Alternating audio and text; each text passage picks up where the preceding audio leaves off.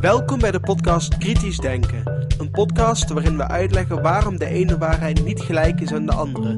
En hoe je kunt vaststellen waarom de ene waarheid juister is dan de andere. Waar we uitleggen waarom het belangrijk is om alles kritisch te bekijken. Ook deze podcast. Goeiedag, het is vandaag zondag 28 augustus 2011. Ik ben Jozef van Giel en dit is de 97e aflevering van deze podcast. Deze aflevering kwam tot stand mede dankzij Riek de Laat en Patrick Vermeeren. De muziek is van Nick Lucassen. Vandaag gaan we opnieuw verder op zoek naar een ernstige psychiater.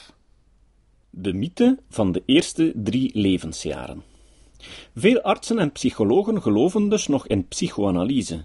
Maar in welke vorm? Want de psychoanalytici zijn het onderling vaker oneens dan eens en de verschillende tussen scholen weelderig.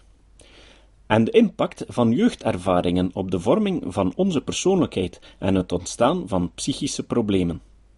Veel artsen en psychologen geloven dus nog in psychoanalyse en de impact van jeugdervaringen op de vorming van onze persoonlijkheid en het ontstaan van psychische problemen. Dit terwijl de huidige stand van de wetenschap laat zien dat de erfelijkheid de grootste impact heeft op onze vijf grote persoonlijkheidstrekken, namelijk emotionele stabiliteit, mate van openheid, mate van vriendelijkheid en altruïsme, mate van extraversie en mate van conscientieusheid en op tal van psychische aandoeningen, volgens Bouchard en Leun in 2001. Psychiatrische aandoeningen zijn aandoeningen van het brein, een orgaan dat net als andere organen in ons lichaam onder invloed staat van de genen en dus van erfelijke factoren. Onderzoek naar persoonlijkheidsverschillen en naar bepaalde ziekten van het brein maakt vaak gebruik van eeneiige tweelingen die apart zijn opgegroeid tussen haakjes, vooral de overeenkomsten en verschillen tussen eeneiige tweelingen, meestal wezen, die opgegroeid zijn in aparte culturen genieten bijzondere aandacht, omdat ze inzicht kunnen geven in de invloed van zogenaamde niet gedeelde omgevingsfactoren. Zo is er bijvoorbeeld de onderzoeksgroep naar gedragsgenetica, die onder leiding stond van Tim Bouchard. Hij stelde vast dat virtueel alle persoonlijkheidskenmerken een belangrijke genetische component hebben. Eeneiige tweelingen hebben bijvoorbeeld dubbel zoveel persoonlijkheidskenmerken gemeen als alle andere verwante kinderen, zelfs wanneer zij in totaal verschillende omgevingen zijn opgegroeid. Sommige persoonlijkheidskenmerken zijn sterk bepaald door onze genenpool: agressie, autoritair gedrag, vermijdingsgedrag, conservatief denken, sociale verantwoordelijkheidszin, antisociaal gedrag en neiging tot depressie. Voor al deze eigenschappen werd een sterke genetische component gevonden. Tot ongeveer 2000 dacht men dat persoonlijkheidsverschillen voor ongeveer 40 tot 60 procent aan de genen kon worden toegeschreven en de rest aan niet gedeelde omgevingsfactoren. Sindsdien hebben een aantal ingenieus opgezette studies, waarbij ook gebruik werd gemaakt van beoordelingen door meerdere personen, aangetoond dat de genetische component groter is voor heel wat trekken, van 66 tot 81 procent.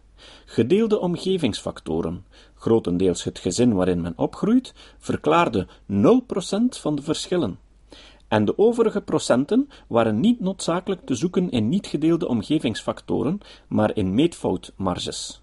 Voor een overzicht zie Bouchard en Leun in 2001. Zoals kan worden verwacht, werden ook voor de meeste problemen genetische oorzaken gevonden. De psychiater Kenneth Kentler werkte jarenlang aan onderzoek naar de genetische oorzaken van bepaalde ziektes, ook grotendeels gebaseerd op tweelingenonderzoek. Virginia Twin Project. Zo komt hij met zijn onderzoeksgroep onder meer tot de conclusie dat zowat in alle psychiatrische ziektebeelden genetische defecten een rol spelen. Op basis van concordiantieverschillen berekent men bijvoorbeeld de heritabiliteitsverschillen tussen eeneiige tweelingen en tweeeiige tweelingen. Hoe lager de overeenkomst tussen de concordiantiecijfers bij eeneiige, MZ of monozygote, en tweeeiige, DZ of dizygote tweelingen, hoe groter de impact van de genen. Bijvoorbeeld voor mazelen lopen zowel eeneiige als tweeeiige tweelingen een risico van 70% om ook ziek te worden. De concordiantiecijfers zijn even hoog, dus is de oorzaak niet genetisch. Voor schizofrenie is de concordantie 50 tot 60 procent, voor MZ en 15 tot 20 procent bij DZ. Dit leidt voor schizofrenie tot een heriabiliteitscijfer van 80 tot 84 procent. Volgens Carndo et al. in 1999 onderzocht en Kendler et al. in 2009. De genetische component wordt dus met andere woorden zeer groot. Uit de verschillen in concordantie-cijfers tussen MZ en DZ kan men afleiden in welke mate erfelijkheid een rol speelt. Zo weet men ondertussen dat autisme, schizofrenie en bipolaire stoornissen, onder meer manisch-depressieve stoornissen, een grote heritabiliteit hebben, net zoals lichaamslengte en gewicht overigens. Maar ook paniekstoornissen en majeure depressie vertoonden hoge heritabiliteit. Volgens Kendler 2001 en Kendler et al. 2009. Nogmaals, een onderzoek naar normale verschillen in persoonlijkheidstrekken aan de hand van zogenaamde Big Five, de emotionele stabiliteit, openheid, extraversie, altruïsme en conscientieusheid, leverde duidelijke bewijzen voor genetische heritabiliteit. Dit alles is eigenlijk niet zo verwonderlijk voor wie ook maar de minste notie heeft van de evolutietheorie. Ondertussen een theorie, wat wil zeggen dat evolutie een feit is, ook al zijn alle mechanismen van evolutie misschien nog niet bekend. Want zelfs Darwin wees op het feit dat de mens erin slaagde bij tal van dieren, met als het meest sprekende voorbeeld de hond, puur door kunstmatige selectie andere mentale kwaliteiten te kweken. Sinds vele tientallen jaren kweken genetici bepaalde eigenschappen, inclusief mentale, bij dieren in labo's, enkel op basis van kunstmatige selectie omdat wij grote verwantschap tonen met andere zoogdieren, staat de impact van genen op ons gedrag en persoonlijkheid onomstotelijk vast. Een ander feit dat tegen de impact van de eerste drie levensjaren pleit, is dat bepaalde hersenstructuren, zoals de hippocampus, niet matuur genoeg zijn om zich gebeurtenissen uit de eerste drie levensjaren te kunnen herinneren. Dat wil niet zeggen dat traumatische ervaringen niet kunnen leiden tot onbewuste conditioneringsprocessen en andere problemen, Proeven met vlinderpoppen tonen aan dat het angstreflexen door bepaalde stimuli nog na de verpopping tot volwassen vlinder blijvend zijn. Maar we hebben het hier dus niet over problemen veroorzaakt door trauma's, maar over alle psychologische problemen in het volwassen leven. Want dat is wat psychoanalyse beweert. Het idee dat alle gedragsproblemen en persoonlijkheidsstoornissen dus te maken hebben met problemen in de vroege jeugd, moet naar de prullenmand worden verwezen. Zie ook The Myth of the First Three Years door Breuer in 1999 en Fifty Great Myths of Popular Psychology van Lilienfeld et al. in 2010. Sommige bekende psychoanalytici, zoals de schrijfster Anna Enquist, houdt ondanks alle bewijzen vast aan psychoanalyse. Ze zegt Tegenwoordig duurt een psychoanalytische behandeling gemiddeld vier jaar en voeren we één à twee gesprekken per week met een patiënt. Voor mij was het meteen logisch dat ik de opleiding tot psychoanalytica zou gaan doen. Die duurt enorm lang, ongeveer tien jaar, maar ook toen al vond ik dat de psychoanalyse het best verklaart waar de wortels van onze geestelijke problemen liggen. Ja, de onderzoeksmodellen die vandaag de dag worden toegepast in de wetenschap zijn niet geschikt om de psychoanalyse te meten. In Psychologie Magazine, mei 2010, bladzijde 78 en 79. Daarmee is meteen alles duidelijk. Zoals vele psychoanalytici beseft deze dame niet dat ze het slachtoffer is van de confirmatieneiging en het consistentieprincipe, volgens Chialdini. Ze beloofde al vroeg dat psychoanalyse werkzaam was en een deugdelijk verklaringsmodel is. Door de opleiding te gaan volgen en systematisch elk tegenbewijs te negeren, is ze steeds meer gaan geloven in psychoanalyse. Eens mensen bovendien veel tijd en inspanning hebben geïnvesteerd in een overtuiging, tien jaar studies en meer dan twintig jaar therapeuten, dan worden mensen het slachtoffer van het consistentieprincipe. Mensen willen consistent zijn met hun eerdere keuzes en overtuigingen, en elk bewijs van het tegendeel wordt gezien als een aanval. Ten slotte bedient zij zich van het argument dat de huidige wetenschappelijke methodes de psychoanalyse niet kunnen onderzoeken, het favoriete argument dat alle pseudowetenschappers en gelovigen in het paranormale eveneens gebruiken. De potentiële gevaren van psychoanalyse of psychodynamische therapie. Scott O'Lilienfeld brak in 2007 een lans voor het in kaart brengen van potentieel schadelijke psychotherapievormen. Psychological Treatments That Cause Harm, in 2007 uitgegeven. Daarbij betoogt hij dat te weinig aandacht wordt besteed aan patiënten bij wie een verslechtering optreedt na de behandeling. Deze kunnen bij adolescenten bijvoorbeeld oplopen tot 29 Tot de andere gevaren behoren verergering van de symptomen, verschijnen van nieuwe symptomen, afhankelijkheid van de therapeut, weigering om zich te laten behandelen en last but not least schade aan zichzelf, familieleden of aanverwanten. Hij concludeert dat behandelingen potentieel schadelijk zijn potentially harmful treatments, wanneer aan volgende criteria wordt voldaan. Er is aantoonbaar psychisch of fysische schade bij de cliënt of anderen, bijvoorbeeld familieleden. De schadelijke effecten zijn duurzaam en dus niet een tijdelijke verslechtering van de symptomen tijdens de behandeling.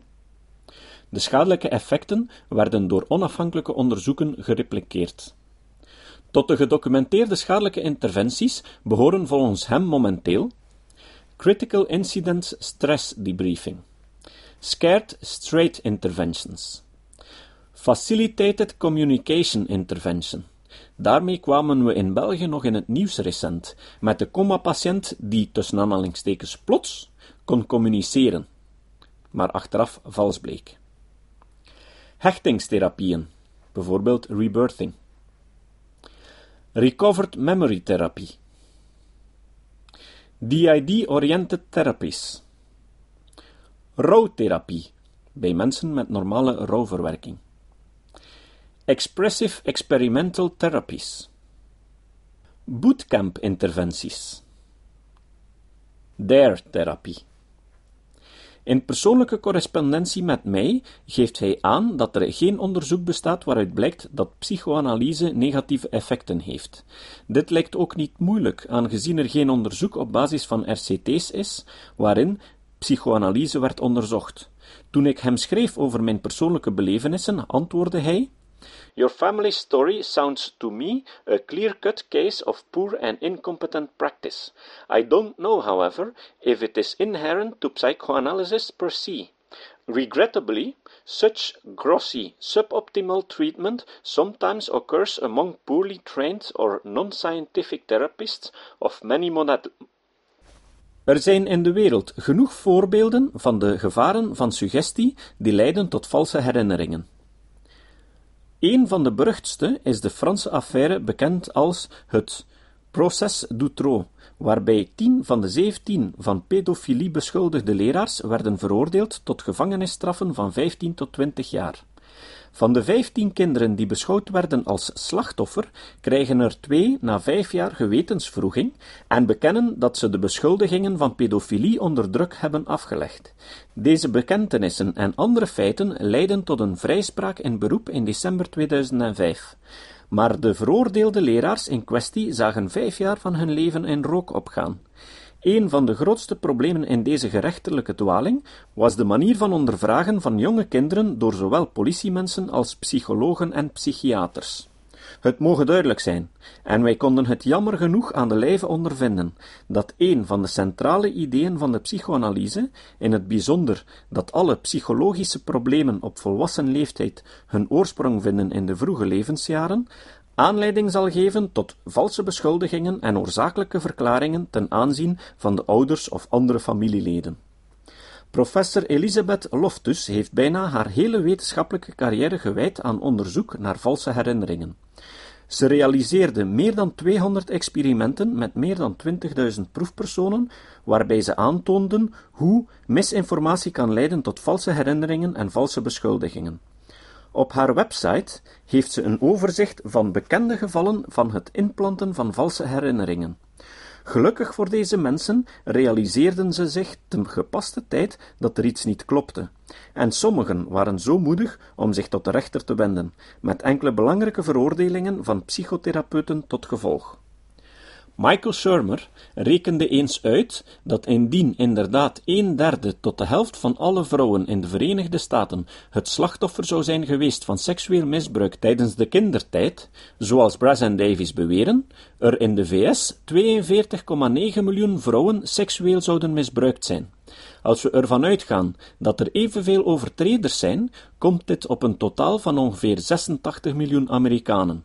Als je dan ook nog rekening houdt met de veronderstelling dat alle familieleden zoals de moeder er weet van had, dan zouden er meer dan 100 miljoen Amerikanen, of meer dan 40% betrokken zijn bij seksueel misbruik.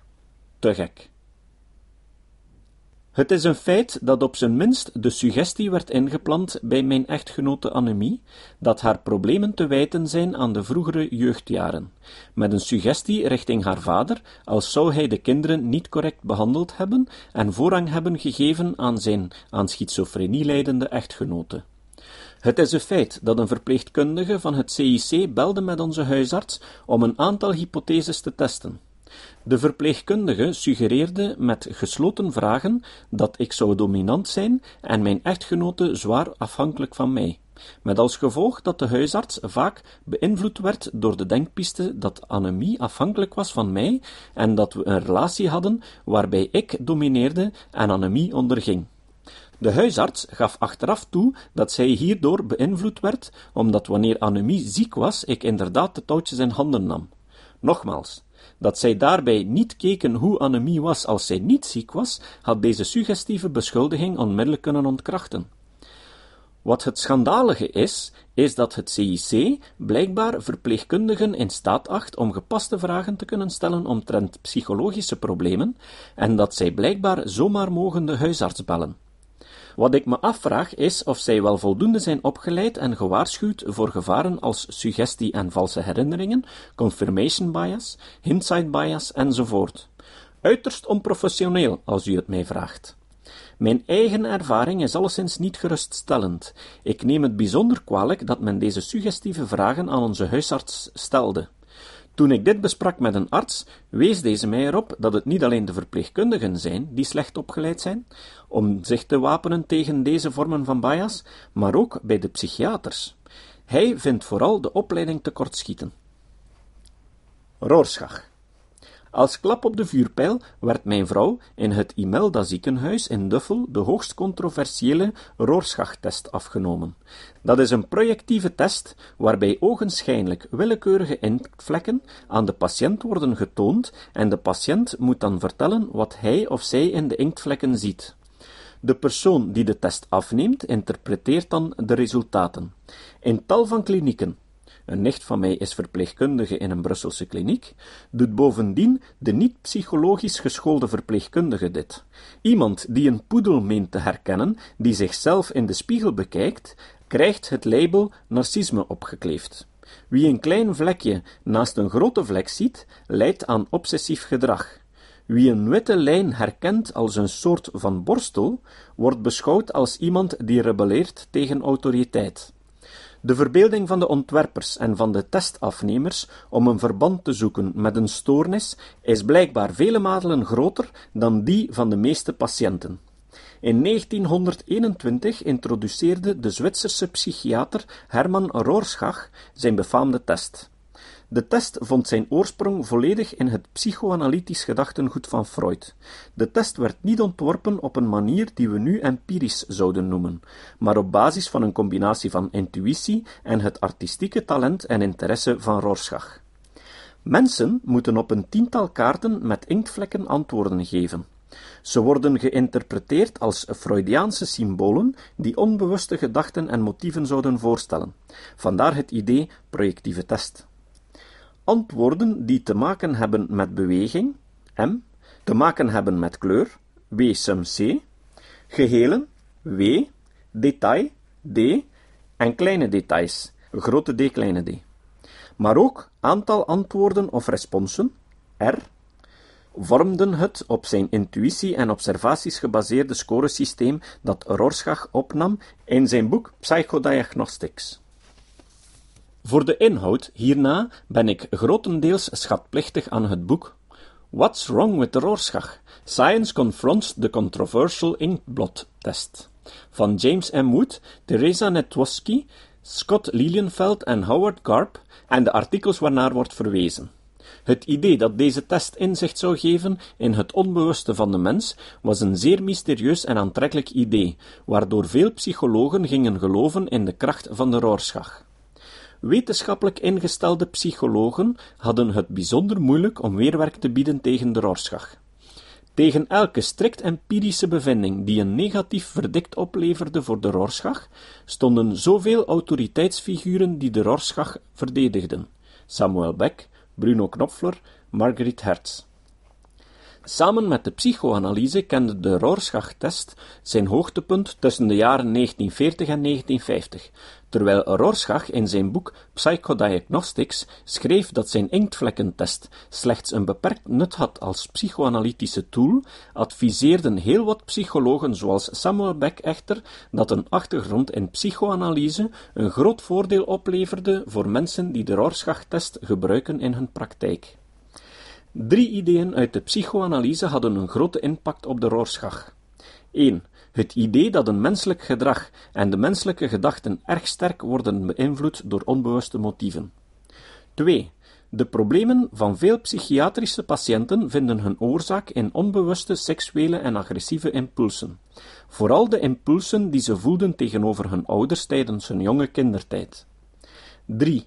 Dromen zijn symbolische voorstellingen van de onbewuste innerlijke conflicten van een persoon.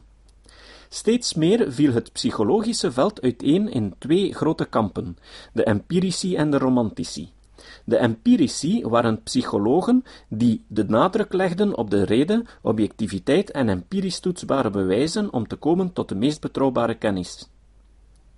De romantici vonden dat intuïtie, empathie en subjectieve inzichten een dieper en meer authentiek begrip kan opleveren van de zuivere reden. Deze tweedeling vindt men jammer genoeg tot op heden nog altijd in het psychologisch speelveld. Na vele tientallen jaren van empirisch onderzoek bleken projectieve technieken zoals het laten maken van tekeningen door kinderen om seksueel misbruik vast te stellen, maar ook het gebruik van projectieve tests, zoals de Rorschach, empirisch niet houdbaar. Scores van de werkelijk psychiatrisch zieke patiënt bleken niet te verschillen van gezonde individuen, noch van gezonde studenten en noch van gezonde psychologen. Tal van psychologen kwamen onafhankelijk van elkaar tot dezelfde vaststelling. Het scoren van de Rorschach maakte dat iedereen ziek leek. Vanaf 1955 tot einde jaren 60 haakten dan ook heel wat vooraanstaande psychologen zoals Lee Cronbach, Albert Bandura, Hans Eysenck, G.P. Guilford en Richard Lazarus af. Ook de ondertussen zes verschillende interpretatiescholen, vijf Amerikaanse en één Europese vielen elkaar aan met kritiek op hun manier van scoren. Er waren dus minstens zes verschillende officiële manieren van scoren, op basis van dezelfde antwoorden. Maar bovendien bleek uit een enquête dat heel wat psychologen bijzonder vrij omgingen met de manier van interpreteren. Naar gelang wie je test interpreteerde, kreeg je dus een andere diagnose. Een uitgebreide beschrijving van de problemen vindt u onder meer op skeptic.com en in het boek De 50 grootste misvattingen van de psychologie.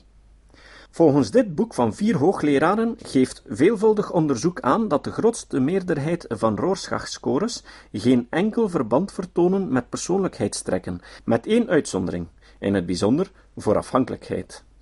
De scores tonen geen correlatie met klinische depressie, angststoornissen of antisociale stoornissen, maar wel voor schizofrenie en bipolaire stoornis. Maar dit laatste is volgens de auteurs dan ook niet verwonderlijk, want mensen die bizarre antwoorden verzinnen op inktvlekpatronen zijn waarschijnlijk slachtoffer van bizarre denkpatronen. Je zou dit ook zonder die inktvlektest perfect kunnen diagnosticeren. De Rorschach afnemen samen met andere tests biedt ook geen toegevoegde waarde, incrementele validiteit. Het grootste probleem is echter dat de Rorschach meer aanleiding geeft tot het beoordelen van gezonde normale mensen als mensen met een afwijking dan andere tests. De Rorschach houdt dus het gevaar in van een overpathologisering van mensen. De auteurs sluiten af met de zin: een inktvlek is soms gewoonweg een inktvlek. Ik kocht nadien ook het boek What's Wrong with the Rorschach? Science Confronts the Controversial Inkblot Test van James Wood, Teresa Netokowski, Scott Lilienfeld en Howard Karp. Dr. Kootjans van het Imelda ziekenhuis te Duffel baseerde zich blijkbaar op cijfers van John Extner. De Rorschach-test vertelt hem dat anemie een te snelle betrokkenheid op zichzelf heeft, egocentriciteit index 0,8, namelijk minder dan 0,45, en een nood aan bevestiging van zichzelf door anderen dit vanuit een narcistische gratificatiebehoefte, FR is RF 4 en L is kleiner dan 1.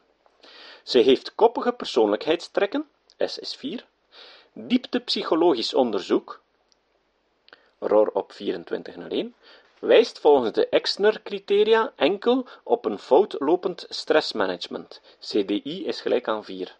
Zowel voor de depressie als voor de suïcide-constellatieschaal bevindt ze zich één punt onder de cut-off.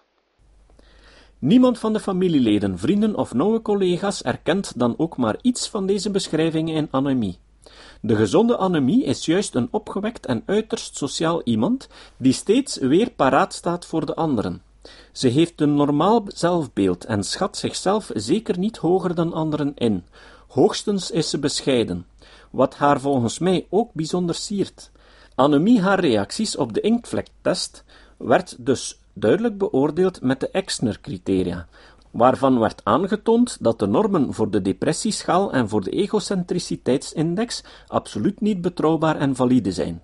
Meer nog, bijna geen enkele schaal is betrouwbaar of valide. Bijt u zich even vast in de volgende uitleg, die we dan volgende week zullen horen. Het citaat. Het citaat van vandaag is van Isaac Newton.